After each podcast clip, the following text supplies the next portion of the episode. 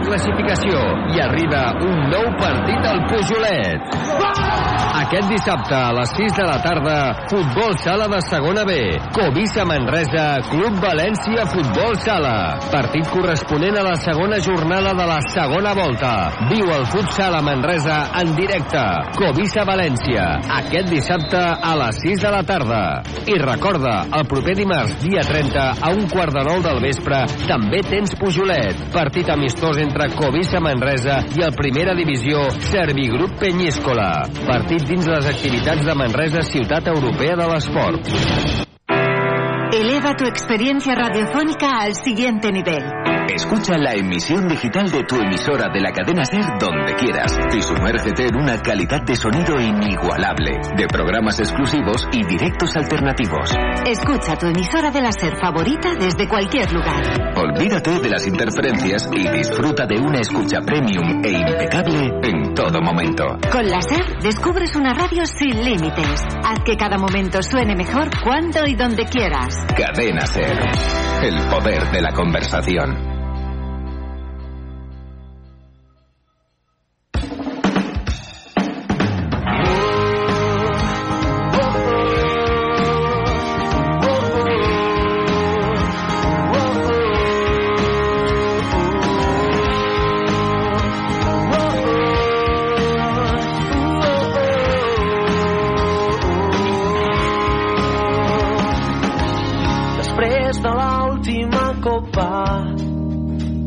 Després, només després d'abraçar-te ben fort. Caiguda l'última fulla l'hivern es va endinsar als nostres cors i tot es torna fosc. I digue'm on va anar els somnis de petit de quan encara eres amb mi i tots aquells records que ara ens fan falta i no sé quant de temps podré seguir sense fugir de mi mateix d'aquest neguit. Sóc com un nen que no entén el que passa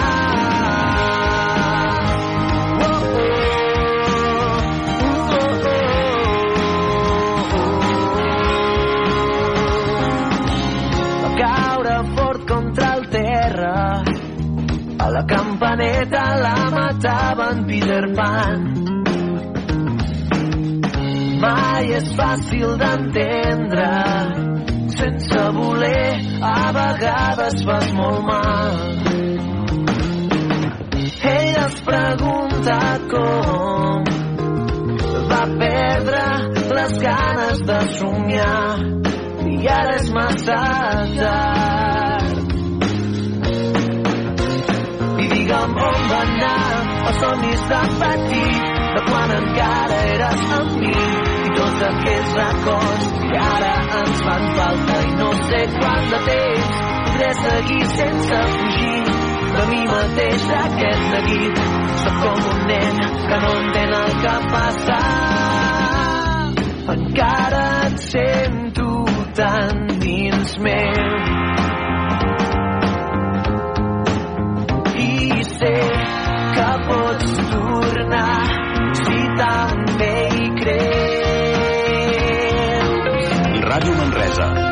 95.8 FM, 1539 on a mitja, cadena 100.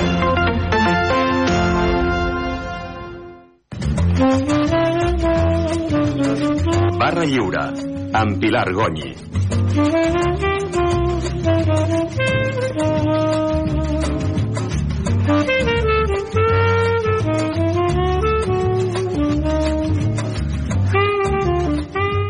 aquesta tertúlia de divendres 26 de gener, tertúlia 75 de la 25a temporada. El 6 d'agost del 1945, el dia que l'avió americà NLA va llançar la primera bomba atòmica sobre població civil, van morir a la ciutat japonesa d'Hiroshima al voltant de 40.000 persones.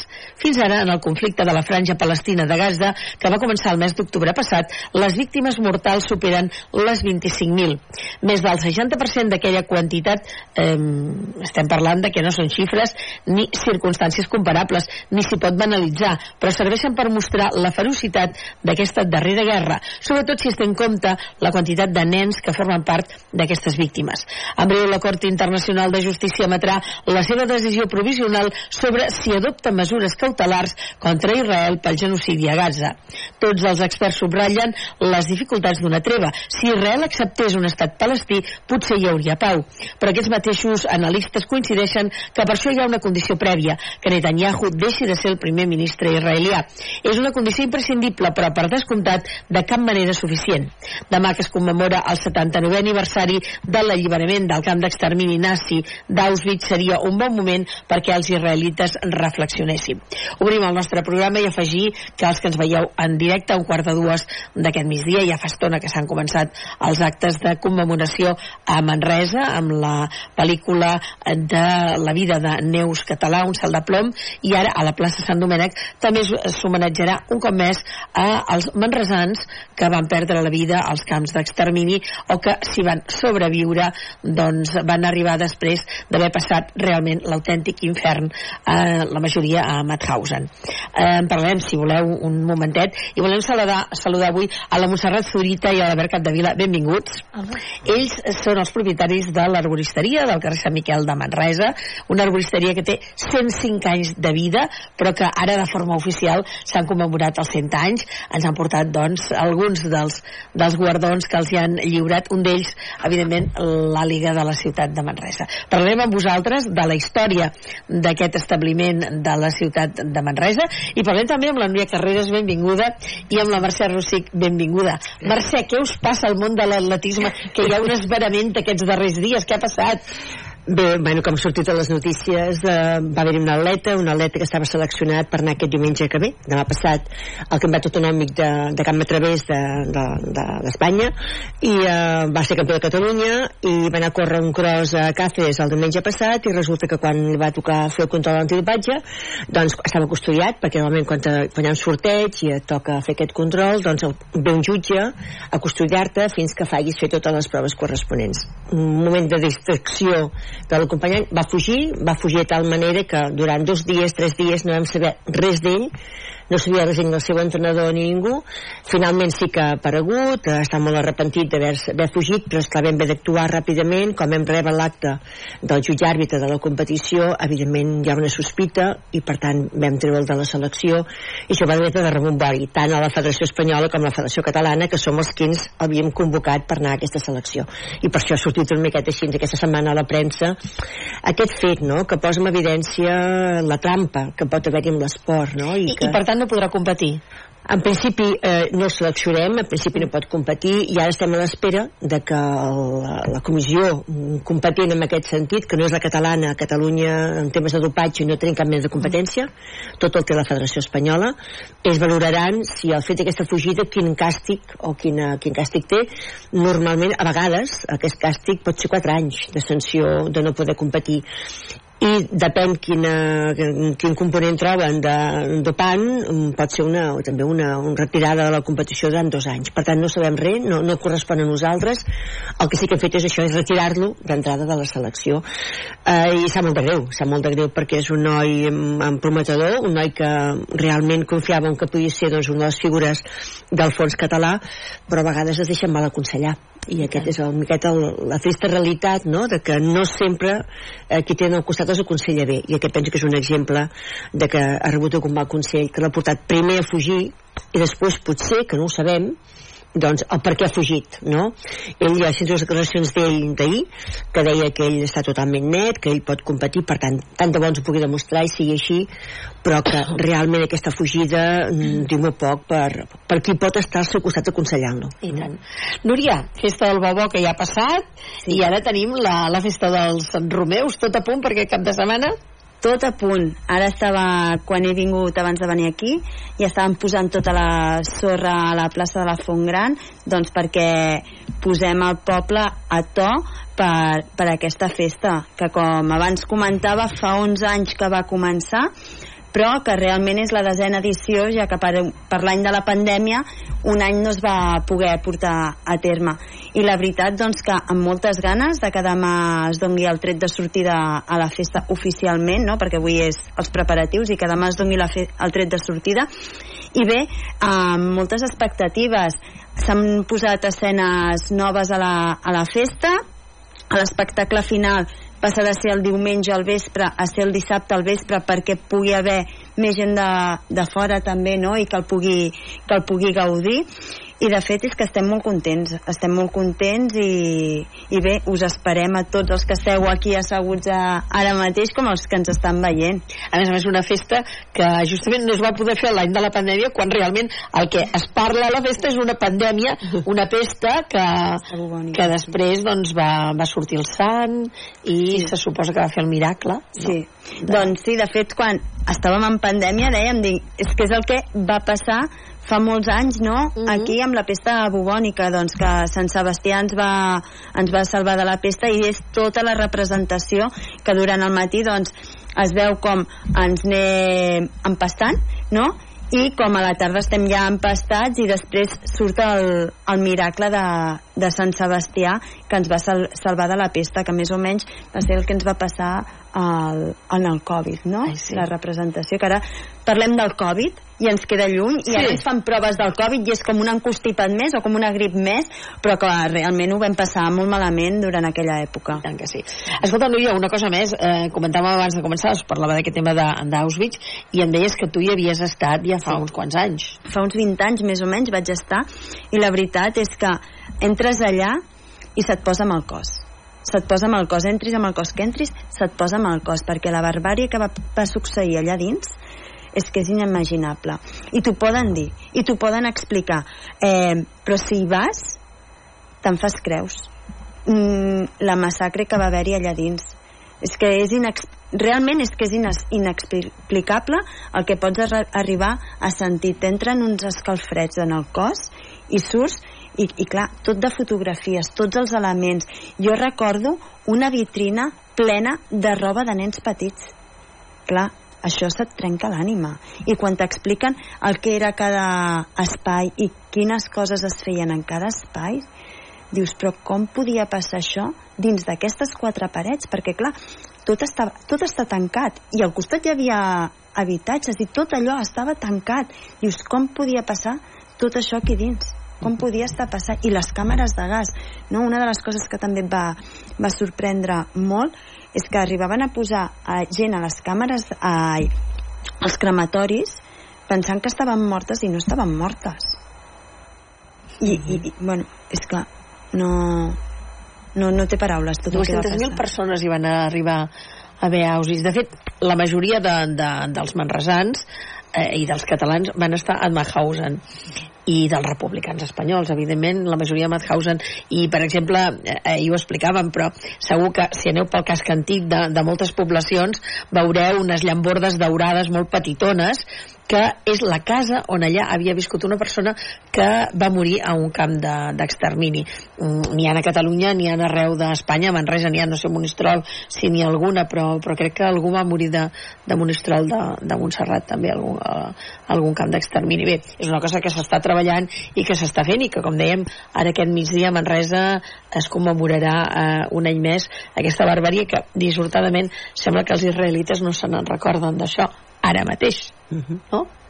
Sí, bueno, el que està passant també allà a Israel i a Gaza és algo que, bueno, s'han de prendre mesures. I tant que sí. Bé, doncs anem a parlar d'aquest establiment centenari. Eh, abans de començar també parlàvem de que hi ha el Museu de Tuixent de les dones remeieres i el Museu de Sant Feliu Sacerra, que és el Museu de les Bruixes, i que ens deia la Montserrat que havíeu col·laborat amb aquests, amb aquests museus. Sí, quan van voler obrir el museu, doncs clar, buscaven cosetes. Llavors nosaltres, clar, teníem, per exemple, pell de serp, que coses no són habituals, uh, una arrel de ginseng molt maca, també... Bueno, tot el que ens van demanar, doncs, bueno, ho vam poder cedir, i amb molt de gust. Hi ha molta història al voltant del món de, de les herbes i com ha anat canviant, suposo, al llarg dels anys. Fem una mica d'història. Com, com vau començar vosaltres? Perquè sou, sou una nissaga familiar que eh, la, era la teva besàvia la que, la que, va, sí. la que va obrir? No, la, Albert? meva, la meva besàvia. La teva, o sigui, la teva rebesàvia. La teva rebesàvia. Que deus haver sentit parlar, però no, no, no crec que la coneixis. Però saps la història? Sí. La història l'has anat, l'has anat Sí. seguint. O sigui, l'heu anat explicant a, a la família. Tu sí que vas conèixer la teva besàvia? No sé, eh? jo crec que era molt petitona També quan es petita. va morir. Sí. Mm. sí. Expliqueu-nos una miqueta, doncs, la, la història de, de l'establiment. Va, qui comença? Com es va obrir aquest establiment? Per què es Bueno, va obrir? primer Estem la- parlant de fa 105 anys, Sí. eh? És tota una història. La, bueno, la meva besàvia, primer, ella feia mercats. Anava a Sabadell i anava a Manresa. Llavors, entre Sabadell i Manresa, va decidir quedar-se a Manresa, perquè en aquells moments potser a Manresa hi venia més gent o hi passava més gent. Éreu, ella- éreu de Manresa, vosaltres? No, No. la meva besàvia era de Canalda. Uh -huh. De la zona de Sant Llorenç, Guixers, així. Uh -huh. I, però bueno, suposo que baixaven aquí perquè... A mercat. Aquí, sí. I llavors, bueno, feia mercat a la plaça, m'imagino que la de l'Ajuntament, que és on es feia. I llavors ella, pues, sempre, bueno, va tenia molt fred a l'hivern, molta calor a l'estiu, i la seva il·lusió sempre havia sigut poder comprar un... Bueno, comprar no, perquè el va llogar, llogar un local i establir-se. I això és el que va fer l'any 1919. Mhm. Va ser com va poder trobar aquest local i es va establir allà. I sempre en aquí. Sí. Mhm. Sí, va deixar els mercats i llavors ja es va establir aquí. Jo, el, el que m'agrada més de- d'aquestes històries és que, clar, hi hagin una generació rere l'altra, que no n'hi ha cap que diuen no, és que el meu fill no s'hi ha volgut dedicar o, o tu tu t'hi has volgut dedicar o t'hi has trobat? Bueno, jo he estudiat altres coses, però pel camí m'hi he trobat. I, bueno, he estat treballant, ara ja porto 4 anys, i m'està agradant. Ja La tenim... mama contenta, clar. Sí. Mira, justament avui parlàvem amb un comercial de plantes i ens deia que el problema de les nostres botigues és que no hi ha relleu genera- generacional. O sigui, a Barcelona n'han tancat moltíssimes, ens ha dit, sobretot no, al barri gòtic, ens ha dit, perquè no hi ha relleu. O sigui, la la gent es jubila i no hi ha ningú que vulgui continuar. És un, un dels problemes. Bé, la teva besàvia i després ve la teva àvia. Sí, I la teva àvia continua el llegat de la teva besàvia. sí. I després la teva àvia, la teva mare, Uh -huh. després tu Sí, i després el teu fill. sí. I tu també vas tenir clar que volies continuar? Sí, de fet jo vaig fer la carrera de farmàcia ja una mica pensant en el futur perquè clar, per obrir una botiga fins ara no necessites res o sigui, pots fer, hi ha el gremi d'arbolaris de Catalunya i allà pots treure un títol vale? però no, no es necessita un títol específic no? com per exemple per obrir una farmàcia necessites ser farmacèutic per obrir una botiga dietètica d'arboristeria no necessites res i llavors jo pensant en un futur per si mai ens demanaven alguna cosa doncs vaig fer farmàcia Ets, ets filla única? Tens una germana? no, tinc dos germans, una germana i un germà. I ells no s'hi han volgut dedicar? Mi germana durant una temporada hi va estar, però després ja no. I el meu germà. Que maco. Bueno, de fet, jo tinc dos fills, el fill gran no vol, i el fill petit sí. Ja potser direm una sisena generació, que és el Sí. cosí, que ve de tant en tant a la botiga i se li dona molt bé, la Té veritat. 13 anys, però té moltes ganes també d'estar a la botiga. Ostres, això és fantàstic. Sí, eh? sí. Que La veritat és que sí. A casa teva també, no? També la, Clar, teva a casa, família? clar, ve del meu besavi, a casa meva ve del meu besavi, que són peixaters, el meu avi i ara la, la meva tieta, i a veure després de la meva tieta què passa, encara li queden uns anys, però a veure què passa després de la meva tieta. Clar, és que diuen, home, eh, quan tu hauries ser jubilat, eh, tu ja tens feina, no cal que et busquis feina que tu ja la tens, perquè tens l'establiment, però la pregunta és, i t'agrada o no t'agrada? Ah. No? No, no, sí, sí, és, bueno, és agraït, està de cara al públic i la gent, pues, si les coses li van bé, doncs venen el dia següent i diuen, ostres, m'ha funcionat molt bé, i estan contents i després, bueno, tu t'emportes un somriure i dius, ostres, pues, estic fent una bona feina. Eh, jo me'n recordo, de, segur que el vas conèixer, el Jaume Pons i Agulló, que estava a la farmàcia del carrer Sant Miquel, el vas conèixer, i ell després, quan, va, quan es va jubilar, doncs era historiador. I ell moltes vegades em deia, diu, mira que porto anys que està treballant en una farmàcia. Diu, és que resulta que si miro molts ingredients, ara estic treballant eh, històricament, tema d'herbes remeieres i tal, diu, quants ingredients hi han en el món farmacèutic que venen de, de les herbes. Per tant, tu que has estudiat farmàcia, eh, això ho deus haver vist. Sí, sí, sí. És així? Sí, sí, és així. És així. Per tant, a tu la carrera de farmàcia et va ser fàcil. Perquè clar, si ja sabies moltes coses Sí, però hi ha, hi ha molta, moltes assignatures. Ah, també vam fer parasitologia, els animalets, vam fer química... És una petita part de plantes a la, la farmàcia. Però és fàcil estudiar... Farmàcia? No, farmàcia no. És difícil. La farmàcia és una carrera difícil. Difícil, sí, sí. La història de, de les herbes... Tu, clar, com que ja ho portaves, doncs, clar, no, nota excel·lent deuries treure d'aquesta Sí, a més a més també ara tot ha anat canviant, no? però quan ho vaig fer jo de- demanaven també un, un herbari llavors havies d'anar a buscar plantes al camp i les havies de- d'identificar clar, per aquesta part em va ser més fàcil sí. Clar. I, I això de, de les herbes, encara aneu a buscar-ne o, o ja està tot eh, eh, precintat, ja hi ha empreses que ho porten, Bueno. ja ho fan, com va això? Eh, això ha canviat molt. O sigui, abans eh, els meus pares pràcticament ho anaven a buscar quasi bé tot, perquè clar, no hi havia empreses, no? no hi havia pagesos, hi havia que ho portaven o els meus pares ho anaven a buscar. Clar, ara el problema que tenim que si hi ha grans empreses que són les que ho porten, perquè clar, tot ha d'estar controlat ara. Tot ha de tindre un registre, tot ha de tindre una cosa... Justament avui parlàvem amb el comercial i ens deia que una planta per sortir a mercat necessita 900 controls de, de pesticides, metalls pesats, radioactivitat, no es pot posar a la venda si no passa aquests 900 controls. Vull que són molts. Inclús ni la verdura ni la fruita té aquests controls. A nosaltres ens posen uns controls molt estrictes. Llavors això què fa? Pues que hagués de passar per les grans empreses. Sí que és cert que, per exemple, tot el que és en branca, no? podria ser l'orenga en branca, podria ser el romaní en branca, això les grans empreses no ho subministren. Llavors nosaltres encara disposem de parents i de petits productors de muntanya, Sant Llorenç de Morunys, de Tuixent, d'aquests llocs, que són llocs més o menys que te'n pots fiar, que ens proporcionen plantes, perquè no totes les podem comprar. Fixeu-vos quina incongruència. O sigui, tu pots anar a mercat eh, o pots anar a casa d'un pagès, comprar-li la, el que té, no ha passat cap control, o, o fins i tot eh, segons quins, a segons quins mercats que arriben un dia uns senyors i comencen a vendre bolets, perquè han anat al bosc i tenen bolets, ningú els hi posa cap control, ningú els hi diu res, i mira ells la quantitat de controls que han de passar. Això és incongruent Això és total. incongruent total. No, no imaginava tant, eh? Jo ja sabia que un control havia de ser, quan està embassat, evidentment, l'envàs ha de portar tot això, però no imaginava que passéssiu aquests controls, eh? I a més a més, el que també ens ha comentat és que un 75% les plantes venen de fora. Uh -huh. no són nacionals perquè què passa?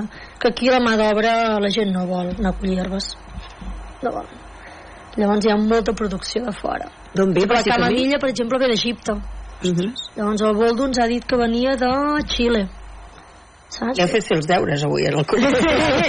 S'ho pregunta. No, a veure, sabien els fets. Les coses ja les sabíem, però bueno, les vas actualitzant, perquè el dia a dia va canviar molt. Però també els recordem controls sanitaris canvien molt. segons quin, eh, per exemple, la molsa ara no es pot collir. No es pot collir. Eh, algun altre producte tampoc es pot collir, que està prohibit. Per tant, si van prohibint, al final, eh, allò, que te n'anaves tranquil·lament eh, a passejar pel Romaní. camp, a agafar romaní, eh, llaurer en alguns Llaurer. llocs, alguna cosa més, ara no, i m'imagino que per allà a Monistrol, que teniu molt, molt, molts camps i acaba a Montserrat i tal, no es pot fer? No. Està prohibit? Sí. No, no es pot agafar. Oh? No ho sabia. Si veig que allà agafo una mica de romaní em diran, ja et pot tornar. Cap a dalt a Montserrat no es pot agafar. Està protegit, suposo, Sí. no? Que Sí, fort. sí. I, no, i el que... ah, mm, Perdó, eh? Sí. El que deies és que si ha de passar 900 controls el que arriba a, a pujar els costos, no?, amb això, perquè mm, un producte que podries baixar els costos però passant els 900 controls això ha d'acabar pujant els costos una barbaritat que és el que també m'ha sobtat bastant, no? Bueno, això i després que moltes vegades ens falten plantes, perquè clar, si no passa això, les retiren, llavors no n'hi ha. Hem d'esperar esperar la següent remesa. Això ens enredareix molt a vegades que no puguem ten tenir segons quines plantes disponibles. No, no, és que fins i tot si vas al supermercat i, hi ha aquells potets petitons sí. d'orengan o de, de gengibre tal, i a, a, mires el preu i dius, mare meva, aquest potet val això? Clar, si han de passar tants controls, no m'estranya, vull dir, és normal, eh? És normal. Sí, sí. I vosaltres per això en teniu a granel encara o no? Sí. Sí, en podeu tenir. Sí. I són d'aquestes empreses o... Sí, o, sí, sí, sí. clar. És que avui en dia, clar, és el que és el que et comentava. Necessites tindre pues, un control per si ve algú, pues, hagués de justificar aquella planta d'on ve, amb el seu anàlisi i tot el corresponent. Sí, sí. Abans de començar la tertúlia, ho explico públicament, m'han renyat. Perquè li porto constipada des del 28 de desembre i m'han dit, per què no ens has vingut a veure? Això què vol dir? Que, que eh, els productes d'arboristeria... Mm, va, t'ho posaré complicat. He d'anar a l'arboristeria o he d'anar a la farmàcia? A veure. Mira, això justament ho dèiem... Estàvem parlant matí. Que, eh, que, vols dir-ho tu? No. Clar, com que tu tens les dues condicions, doncs tu saps sí. el que pot anar millor. O sigui, la tendència ha canviat. O sigui, antigament la gent primer venia a l'arboristeria, si l'arboristeria no li funcionava, s'anava a la farmàcia. Però ara és al revés. Primer van a la farmàcia i si no els hi funciona, venen a l'arboristeria. Com a últim recurs som nosaltres. I, I quan el mal ja està fet, clar. Clar, i... No, i que funciona, eh? ja la majoria de gent els hi funciona, però és que jo crec que s'hauria de fer com abans, no? Primer mirem de solucionar lo natural. Si lo natural no funciona, anem a lo químic, no? Mm. perquè lo natural l'avantatge que tenim és que bueno, si no et fa bé no et fa mal i lo químic, pues, a veure a vegades pot tindre algun efecte secundari, no? Per tant, poden conviure les dues, farmàcia i, i i, tant. arboristeria sense cap problema, ho Sí, tindré en sí. compte. La propera vegada primer l'arboristeria la farmàcia. la farmàcia. I escolta, Albert, i tu com ho has anat aprenent tot això? Perquè serveixen unes herbes... Perquè clar, tot això eh, eh, t'ho han explicat a casa, suposo. I, I conèixer això serveix per això, això serveix per allò. N'hi ha moltes d'herbes, eh? Sí, bueno, jo he anat aprenent, segurament com ella, doncs ella de la seva mare, jo, jo, ho he après d'ella, també, la meva mare, Mm. i bueno, treballant cara al públic, pues, vas despatxant i dius, ostres, aquesta herba, pues, no sé què és. Pues li dius a la meva mare, li dic, ella m'ho explica, i després ja... Amb el dia a dia, amb el el dia a dia a dia dia. anava, sí, anava treballant. Vosaltres de què sou? De farmàcia o d'arboristeria? Ai, ai, ai. Jo de farmàcia.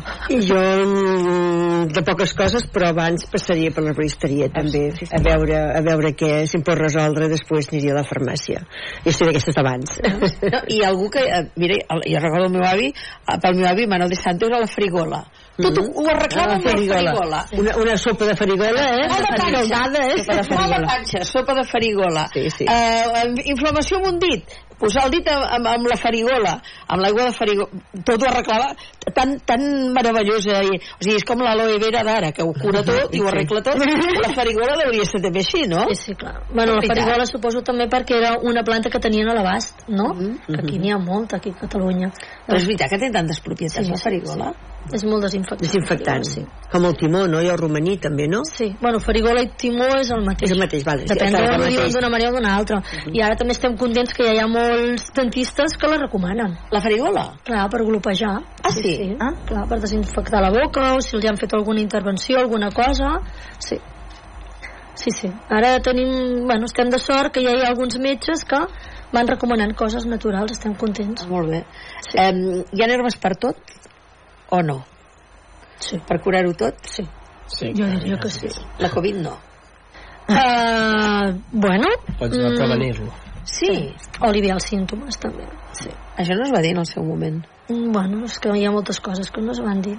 Fer exercici també anava bé, no ens van deixar... Bueno, hi ha moltes coses. Sí, van fer moltes coses al revés del que potser hagués sigut recomanable. No us van demanar consell a les persones que... No, els... crec que no. No. Bueno, és que clar, va ser una situació d'emergència. Suposo que també no ho van decidir tot. Mm. Però no, hi havia moltes, moltes coses, moltes plantes. De fet, nosaltres vam estar la gran sort d'un any a l'estiu anar allà a l'Àfrica i, bueno, ells tot ho van fer en plantes. Evidentment, allà no tenien medicaments i les plantes, eh? Sí, es van passar tot el Covid en plantes. Però el govern ens va dir que va passar una recepta Qui- quin país es, éreu? curi, es curaven amb les herbes. Vam anar um, a Tanzània. Uh -huh. Vull dir que allà, clar, allà medicaments pocs i tot ho van solucionar amb les plantes, tot el que van poder, clar. Uh -huh. Vosaltres hi éreu essencials o us ho van fer tancar? Érem essencials.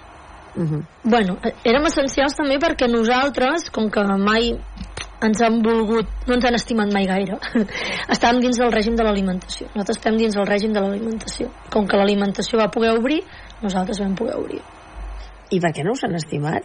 Que és que feu por, potser. Bueno, a veure, ni indirectament o directament som competència també de la farmàcia nosaltres, clar. No, però aquí, aquí ho hem dit molt bé, aquí es pot... Sí, sí, sí, No, però bueno, de fet, jo no sé si tindrem molta subsistència perquè hi ha empreses farmacèutiques que ja estan comprant empreses de productes naturals. Sí. Per exemple, la Nestlé va comprar la Solgar, va comprar la Douglas, la Douglas l'ha eliminat i la Solgar l'ha mantingut. La gent que no et coneixen deuen flipar, perquè venen i dius, no, és que sóc farmacèutica. O sigui que... Bueno, saps? tampoc no ho solo dir gaire, eh? Vull dir, si em pregunten, sí, però si no, no, tampoc. No, perquè saps què passa? I ho diré així planament, però clar, tot el tema arboristeria, antigament, això que dèiem, les bruixes, cosa esotèrica, però no sé per què. Sí, sí. Mi mare mateix no hagués vingut mai aquí, perquè ma mare era sempre de, pas de passar desapercebuda, és el que li havien ensenyat a casa. Mm -hmm. Saps? Vull dir, sempre nosaltres hem de passar desapercebuts, no podem aixecar gaire la veu. Però per què? Bueno, perquè és això, sempre hem tingut una mica, saps, la, la farmàcia al darrere. Uh -huh. Ara tenim la sort doncs, que tenim grans cases, saps, que ens ajuden i que ens avalen i això. Però clar, abans és això, no? Em dius tu, tot era no? prohibit, tot era secret, tot era... Per això que és un valor afegit, eh, el que deia la Pilar. Sí, és que hauria de ser complement, no hauríem de els teus per què... de farmàcia eh, pots contrarrestar molt bé tot, no? Que no es diu una persona que no sé què, que una miqueta buixa, com deies, que fa allà quatre cosetes amb herbes i... Però que hi ha un recolzament també de coneixement i això és important. Vull dir, jo en cap moment mai rechaço la farmàcia, sempre els hi dic, proveu això, si això no va bé, Antibiòtic. A farmàcia. Sí, a la farmàcia. A veure, jo també m'he pres ibuprofens. Vull dir, si no soluciono amb la meu, doncs he d'anar a l'alquímic. És que, evidentment, és que tot ha de ser complementari. Mai podem descartar una cosa de l'altra. És el que anava a dir, no? Que pot ser complementari. Ha de Pots ser estar, complementari. Et pots estar seguint una medicació per una certa enfermetat i comple un complement doncs, natural no? que també t'ajudi a millorar. Això mai et farà mal, no? Que és el que deies tu pre quan, quan has començat, no? Mm, primer començar per lo natural, cosa que jo no faig, també ho he dit, eh? eh començar per lo natural que saps que això segur que no et fa mal et pot fer bé, però mal no te'n farà i després anar cap a lo complementari jo tinc un cas particular, un familiar no? que estava seguint un tractament i que li van dir que, que si es prenia unes herbes la, o, i una, que era les, les full, i fe- es feia infusions de les fulles de la guanàbana que és una fruita d'Amèrica, de, de Sud-amèrica no? que això li, ajudi, li ajudaria doncs ell va seguir amb el tractament químic i complementant-ho a... home, doncs mal no li va fer mal no li va fer i, al final de tot no sé si va fer per una cosa o per l'altra però que va tenir uns bons, uns bons resultats Uh -huh. Clar, a vegades potser és la pressa que tenim, no? La pressa que sí. hi ha curant-nos, Sí, això aquesta també. pressa de dir tinc mal de cap, doncs vinga, eh, em fa mal, i eh, no hi ha, la, no hi ha potser la paciència d'esperar que una malaltia, ai, que una, un remei més natural, doncs és més llarg, no? Mm. Entenc, no? Sí, el que passa que ara també mm, s'ha tirat més els complements, o sigui, més els extractes, els comprimits, els xarops, i això potser ja és un pèl més potent que les herbes, saps? I que... Què és el que us demanen habitualment? Perquè clar, la gent deu venir a la botiga i diuen em passa això, em passa allò... A veure, Bueno, Albert, ara, què et demanen? ara aquesta època és les herbes dels constipats. Ja. Ara venen i diu, fes-me un preparat. Un té tos, doncs li fiques una planta, l'altre no en té, l'altre bueno, vol més expectorant, doncs li fiques una altra planta. Bueno, nosaltres ho fem al moment, o sigui, nosaltres dona, bueno, fiquem una paperina petita, una mitjana, una gran, la gent tria, després tu vas obrint calaixos, que en tenim 120, 120 calaixos. i Ens has després tu dit li fas 100, la... 120. 120. Més les herbes que tenim a dintre, eh? I les coneixeu totes? I sabeu Ella totes? Sí. Jo vaig evolucionant, però la majoria sí. I, i n'hi ha d'herbes que han deixat de ser eh, o sigui, de, de, de, de que ja no n'hi han i les heu de substituir Sí. per d'altres Sí. que és per això que dèiem de les prohibicions i... Bueno, per exemple, el poniol, que és una planta que ma mare Ai, posava totes les barreges, ara no n'hi ha. no n'hi ha No n'hi ha. Aquest, bueno, a mi m'han dit que ve de Lleida i això sí que ha influït molt el clima també, eh? Uh, però sí, sí. L'arpagofito encara en tenim, però dintre de poc potser el prohibiran perquè, bueno, diu que s'està extingint i, bueno, volen preservar. Sempre van passant cosetes. Mm. I, clar, les herbes ha- han de ser han de venir de plantes, no es poden fer químicament aquestes herbes no, no, no es poden fer en substàncies ha de ser el, el producte mm? sí. i deies el poniol, oh sí, me'n recordo ara estem veient la vostra botiga amb tots aquests calaixets que dèiem perquè esteu al carrer Sant Miquel suposo que per la Fira de l'Aixada per exemple, deu venir molta gent a la botiga Sí, estem de dies. sort que és una fira que clar, ens cau de... la tenim allà mateix, a part clar, és el nostre caire, no? És una fira Sí. medieval i les plantes pues, sempre han sigut pues, no? com més antigues, més així. Mm. Per tant, ens deia l'Albert, ara és època de constipats. Molt bé. Primavera, què venen? Al- Al·lèrgies o, o no? Sí, les al·lèrgies. Sí? Sí. Es poden curar les al·lèrgies, també? Bueno, curar una al·lèrgia no, però sí aliviar els símptomes. Sí. Mm -hmm. Ja comença retenció de líquids. A l'estiu la gent es vol aprimar. Ah, que és veritat, és Primar, veritat. Sí, tenim la sort que cada època hi ha una coseta, cosa. sí. De fet, tenim més feina a l'hivern, eh? això sí, amb els constipats, i això és I quan tenim més feina. I els empatxos després de festes, Sí. també. Aquestes depuració, la gent es vol depurar, sí, sí, sí. Eh, teniu una clientela fixa, vosaltres. Sí, més I després l'altra la, l'altra clientela. I la gent jove venen o no? Bueno, què? Els hi costa més. Costa més. No, Sí? Encara no estan ben bé entrats. Això si no els hi engloba els pares, o, els hi, o bé de família, que els seus pares es cuiden amb natural, els hi costa. Però tu amb els teus amics, eh, quan els hi expliques, no, no, No. no, no, no, no. Jo van us a la farmàcia eh, més a la llarga eh, ja em fareu cas, ja em vindreu a veure. Eh, Dèiem que existien herbes pràcticament doncs, per, per tot. Però què és la cosa més rara que t'han demanat, Montserrat? Ui, rara. Clar que diguis, "Ui, de què m'està parlant aquesta persona? Bueno. Perquè, clar, en, en, mentre va rumiant jo explico, no només persones que puguin ven- venir a demanar una cosa estranya, però també hem de pensar que ara estem en una societat multicultural, que tenim gent que hi ha de, de, de tot arreu, i que també ens han vingut malalties que aquí no eren habituals, o persones que venen de fora que agafen malalties que mm, no hi estaven acostumats. Jo poso aquests escenaris. No, raro, raro no. El que sí que és una cosa que abans es feia molt i ara no es pot fer perquè és que mm, els nens, a vegades quan els hi feia mal la boca, agafaven un cap de serp, l'embolicàvem en una bosseta de roba i li posaven a la criatura. Llavors representa... De serp de, de debò? Sí. Serp blanca, eh? Això sí. O seca. Sí. Ah. Ui. Seca. I la posaven en una, en una bosseta de roba i li penjaven a la criatura i representa que quan li sortia les dents no li feien mal. Això no es pot fer. Ara les serps estan protegides i llavors no, no es pot fer i també la gent antigament per les infeccions tipus, bueno, tipus Covid i totes aquestes coses agafaven un trosset de serp també i el posaven a la sopa i això els prevenia de totes les infeccions que potser a la teva fira potser això ho feien abans saps? O sigui, la gent gran posava un trosset de, de serp al caldo i això els protegia de tot eh, els Aleshores- virus, les infeccions Aleshores la serp és molt curativa. sí, jo que la serp tinc blanca molt pànic. la blanca, sí Jo els hi tinc pànic. Sí. Sí, sí, abans Sí, sí. s'utilitzaven força i per fer ungüents i pomades també. Bé, de fet, jo us puc explicar que fa uns quants anys vaig tenir problemes de, de nòduls i a mi ja em van dir que m'havia de m'havia d'operar i abans d'operar-me doncs vaig anar amb un metge coreà que a més a més era acupuntor i li vaig dir que em passava això i em va posar unes indicacions de, de, deia que tenia components de verí de serp. Mai més he tingut problemes. Home quan estic constipada sí que la veu.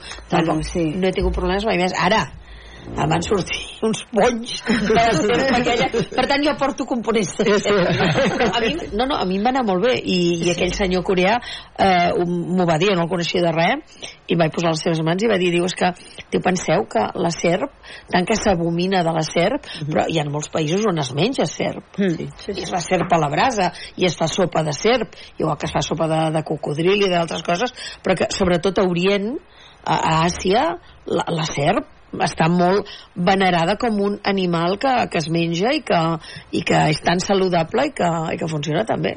Això és cert. Que passa que aquí sempre el tema serp es fa Sí. de fet, jo no sé si vosaltres teniu eh, o heu estudiat molt el tema oriental però, però a Orient es treballa molt amb, amb herbes i amb molts, eh, amb molts productes. Per exemple, a la soja ara potser ha arribat aquí eh, amb nosaltres, però la soja a Orient, a Xina, a Japó, es treballa molt amb la, amb la soja, vull dir, és, és indispensable gairebé. I en canvi aquí sempre s'ha sigut més reaci, no? Sí, no, i les plantes eh, estrangeres no, no toquem gaire. Mm. No, no, no, els nostres productors no en tenen. Mm. Però la, les herbes a nivell de l'alimentació avui en dia s'hi treballa molt.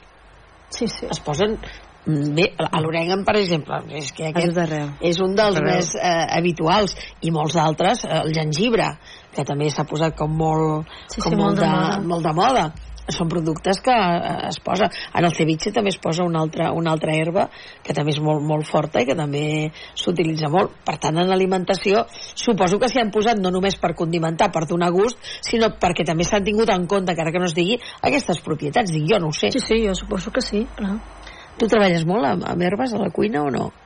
No li agrada gaire. és més el meu fill, eh? a tu sí? Sí. Sí. T'agrada cuinar? Sí. i poses herbes també? Sí, a les lenties i... Com que ho tenim a la botiga, doncs ho portem a casa i doncs vaig provant cosetes. I, i què tal? El resultat, Montserrat, és bo? Sí, i tant, molt bé. Vosaltres quan venen també, a part de les herbes, els dieu que han de portar alguna dieta o els hi feu recomanació de que vagin a, a caminar o que han de fer alguna cosa o què feu? Sí, bueno, de fet, jo, la noia que tinc ara treballant amb mi, ella és dietista titulada, i llavors, sí, sempre intentem, clar, recomanar hàbits saludables, eh, és un bon complement perquè tot funcioni bé. De fet, ara el meu fill, ell estem en obres, però obrirem aviat el local del costat, Ah, vale? I llavors allà és una vida al centre històric. Sí, Sí, i tant, i tant. sí, perquè allà on no puguem arribar nosaltres, potser amb les herbes, amb els consells, doncs allà doncs, tindrem, ella està fent quiromassatge, ja dic, la noia que tinc amb mi és dietista, i bueno, volem tindre tota una sèrie de professionals saps, que ens ajudin a complementar fins allà on nosaltres no puguem arribar. De fet, un dia parlant, i ara parlarem dels premis també, parlant amb l'Ajuntament de Manresa, deia, és que eh, la gent diu, "Ai, el centre històric és tan difícil. Si hi ha un establiment que té solera, que té garantia, que, que dona bons resultats, com és el vostre cas, la gent venen. Per ser, no? Però tu has estat molts anys a l'Ajuntament Sí, sí, i, i sí. saps que és així, no? Que la, es queixen molt els botiguers de, del centre històric, però que si la cosa funciona bé. La cosa funciona i, i ho demostren 105 anys al mateix lloc per tant vol dir que Bueno, també t'hem de dir que igual que va dir el Nasi que va vindre eh, també nosaltres ens hem plantejat també ens vam plantejar en el seu moment marxar cap al centre, més centre, eh? tipus carrer Guimarà així l'únic que, clar, mm, és una llàstima perquè nosaltres al tindre els calaixets i tindre que està catalogada com a patrimoni de Manresa llavors, clar, això no es pot traslladar ni es pot treure, saps? Però sí que jo considero, això estic d'acord, que el barri hauria de millorar una mica. L'Ajuntament ens hauria d'ajudar una mica perquè um, fa poc crec que van vindre també els de l'associació Sí. cada cop ja amb més botigues tancades saps? I, és el una empenta li caldria perquè els cascs antics coi són macos no? són patrimoni de la ciutat i, aquí a Manresa mm, li falta una mica no? Vull dir, no, una mica bastant, una mica eh que bastant sí? Vull dir que no sóc jo sola, ho pensem Sí. molta gent i molts clients que ven a la botiga també m'ho diuen. No, quina llàstima. Que possiblement va haver-hi una etapa que es va deixar de deteriorar bueno, això n'hem parlat moltes vegades aquí també, sí. amb la Pilar hi ha hagut un deteriorament i, i com més, llavors costa molt més o sigui, quan comença a deteriorar-se si intervens doncs és molt més fàcil quan queda molt deteriorat costa més i sí que és cert que cap a la plaça de l'Ajuntament a vegades costa arribar i això passa a carrer Sobarroca que hem parlat també moltes vegades i tots aquests, aquests accessos que donen cap a la plaça de l'Ajuntament mira que és maca i, i que és un bon punt un bon focus Sí. hi ha de turisme vull dir que ja s'intenta o s'ha intentat crear una mica aquesta, aquestes ganes d'anar cap allà dalt no? però sí que hauríem de, de veure com, com es transforma aquest De moment nosaltres, el granet de sorra, eh, ells Està posant. Explica'm-ho. I aquest establiment que el posaràs en plan modern o seguiràs la línia de l'altra botiga? Què faràs? Bueno, ens hem tirat més a la banda moderna. Uh -huh. Sí. I Bueno, a banda moderna, però també és, un, clar, és una botiga Bueno. antiga i té pedra. Sí. hi hem donat un Ah, toc no? rústic també. O sigui, l'hem fet més modern, o perquè ara ja o sigui, la gent ja es porta això, sí. però també hem tirat una mica a la banda rústica que conservant la tocs. pedra i conservant tot de fet també hem trobat una finestra antiga no? amb el ferro antic i també l'Ajuntament ens la deixa obrir el recuperem vull dir que... Hi, què hi havia ara allà? Què hi havia Allà l'última cosa que hi havia era de llanes, la taranyina. Uh -huh. Havia tingut llanes i feia patchwork. Sí, sí, ho recordo. I que no només hi, hi ha bars i restaurants Ja, en aquesta ja, ja, zona, ja. que hi ha establiments de molt d'altre tipus. També s'havia dit del tema de que sigui peatonal i tot això, però Monistrol pràcticament el centre és tot peatonal, no? Sí, sí. La gent No. ja no es planteja d'anar-hi en cotxe. No, no, el que passen pel centre són els cotxes que han de o carregar i descarregar o els que tenen els pàrquings, que n'hi ha pocs que tinguin els pàrquings a, allà al mig, però sí que també és cert que a Monistrol també se li ha de donar un impuls, no perquè per tornar a tirar el comerç endavant s'ha deixat deteriorar ara hi ha poc comerç eh, i s'ha de donar un impuls i com bé deies és una cosa que costa, sí. que no es fa d'un dia per l'altre i és una feina que ha d'haver-hi al darrere d'una feina, una feina constant però el que també em sorprèn és que l'altre dia vaig anar bueno, l'altre dia abans de festes al carrer Sant Miquel a, a la botiga que venen bacallà Mm, que també, que també és històrica també és històrica, sí. també és històrica. Sí, Vull dir que les botigues que esteu aguantant són les botigues que teniu una llarga trajectòria no, en, a, en el comerç i que també em sembla que era centenària la, em sembla que també és centenària Sí, pot sí, ser sí. possible, Sí, no? passat. I amb relleu, també. Amb relleu i generacional. amb relleu vull dir, com, com deia la Pilar els que tenen un, un bo un, bueno, una gran trajectòria segueixen i, i seguireu perquè les generacions esteu, esteu seguint Bé, i perquè a més a més us ho estimeu que Mm. aquesta és la base primordial de que tu estimes i que dius, home, jo aquí he tingut tota la família, totes les dones de la meva família Sí, que ara canviarem, eh? Ai, Hem canvieu tingut quatre generacions de dones i ara anem al revés de la tendència, no? La tendència de les dones, doncs no. és curiós això, eh? Sí. Bé, potser perquè també tot el tema d'herbes eh, s'havia relacionat amb dones en el, en el seu moment. O sigui, farmàcia homes, herbes remeieres dones. No sé per què, però, però aquesta és la tònica, com en, en professions, no? Allò que dèiem, educació infantil, dones. Eh, infermeres, dones. En canvi ara s'està canviant i està molt bé que tu, doncs, et felicito perquè hagis volgut continuar, i més amb el tema dels quinomassatges, que realment segueix molt aquesta, aquesta sí. línia no?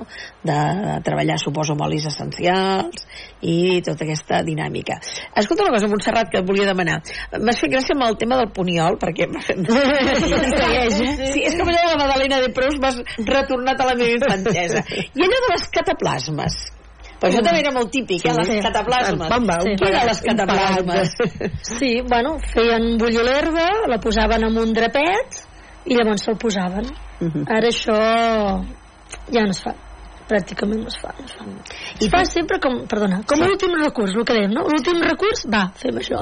I, i tu la, la, la, les barreges que fas i tot això que et ve de, de família a la teva rebesàvia d'on li venia? també li venia d'anteriorment de, de la família? o Bueno, ho va aprendre ella? A mi m'havien explicat que el seu home era pastor. I llavors, al ser pastor, pues, coneixia molt les plantes.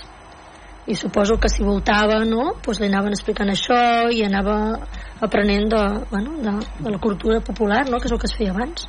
Sí, de fet, els dos antics curanderos que parlàvem, no? La, aquesta, Sí. persona, aquesta persona que curava, tots eren pastors. Perquè el que aplicaven amb les cabres, amb el que fos, ho aplicaven a les persones.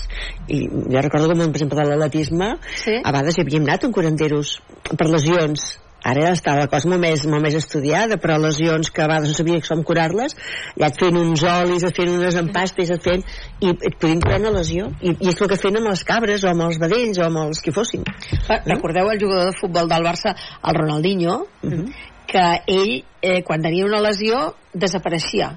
Ningú sabia on anava. I se n'anava al seu país, a Brasil, i allà, a través de, de mètodes eh, curatius naturals, normalment era amb qui ell volia anar, i no se sabia, eh? Amb qui anava, i, i ell anava a mètodes curatius totalment naturals, no es posava en mans de, de, de metges, no, no era, era reaci a anar, a anar a metges, per tant, és molt, molt habitual que en el món de l'esport Sí, moltes sí. persones abans d'anar a un metge mira què em va passant a mi jo abans de deixar-me tocar les cordes vocals dic jo Intento. vaig fins a l'última pregunta a veure què, què puc fer i molta gent, eh? sobretot aquí a Manresa que hi ha tot el tema de vosaltres sabeu molt millor que jo de, hi ha molt reuma aquí a Manresa eh, moltes persones que tenen mal d'ossos que diuen que és pel clima de Manresa no sé si és veritat o si no és veritat per la humitat però és veritat no que teniu persones amb, amb, eh, amb aquest tipus de, de, de dolor? O... Sí, sí. sí.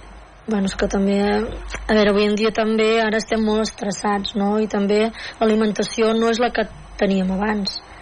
Que ara tot creix ràpid, no té el que ha de tindre, no, per molt bé que ens alimentem no porta tots els nutrients que potser hauria de tindre. Llavors, clar, això també ens afavoreix, no? El desgast dels ossos i tot això Per tant, herbes per, per dormir o herbes contra l'estrès també en teniu? Llavors, eh, aquesta és full, no? La El top venta, no? Sí. Gairebé.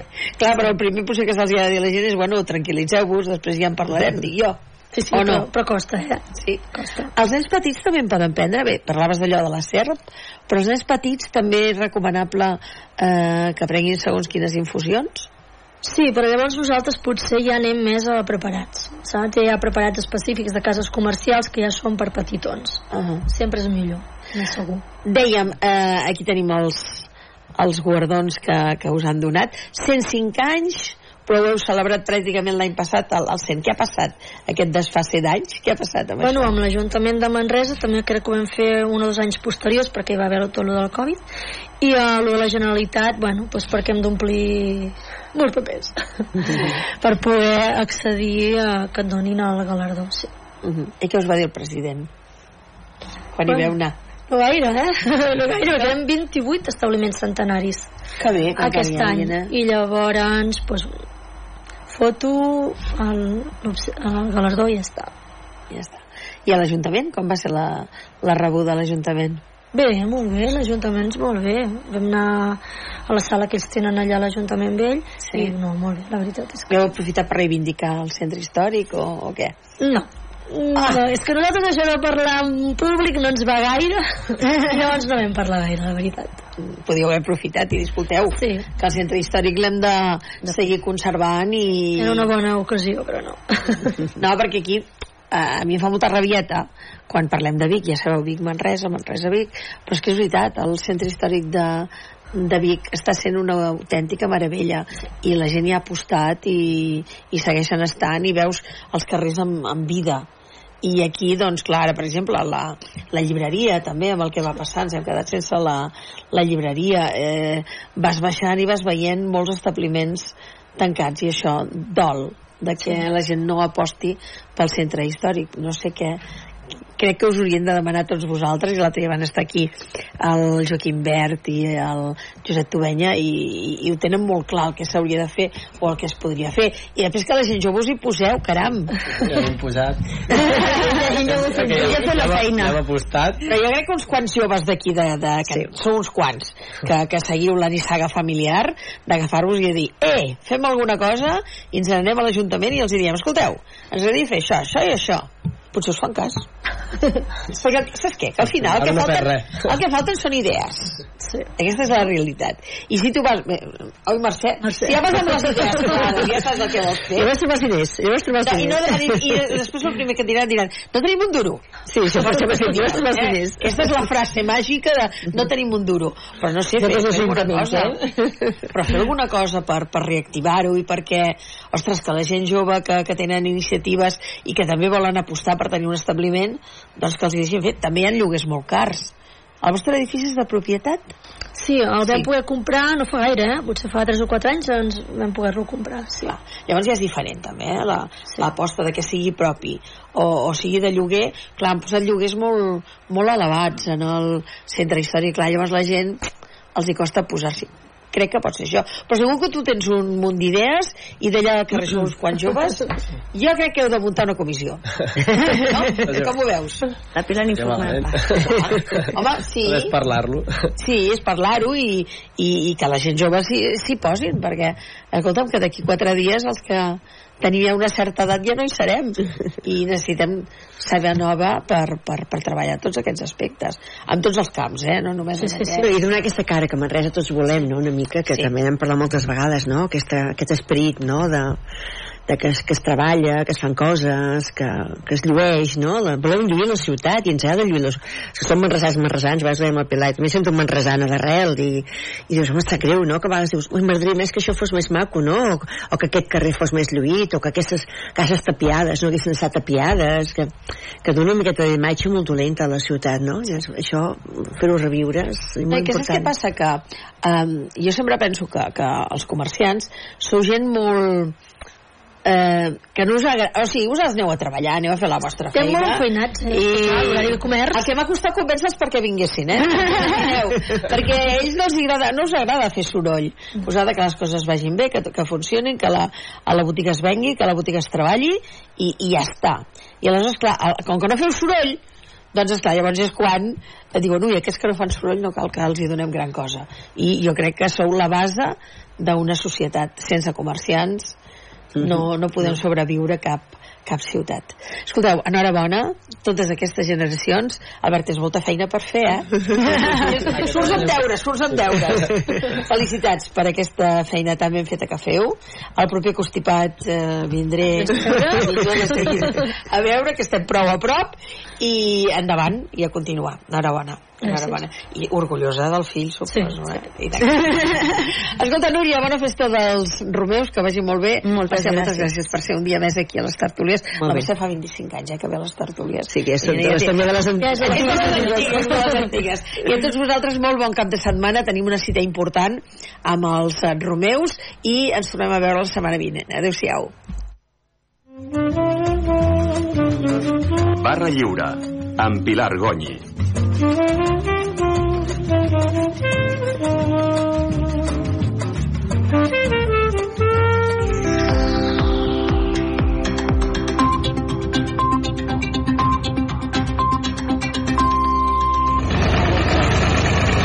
Son las dos. La una en Canarias. Es la foto a esta hora, las, carre- ahora, las carreteras francesas bloqueadas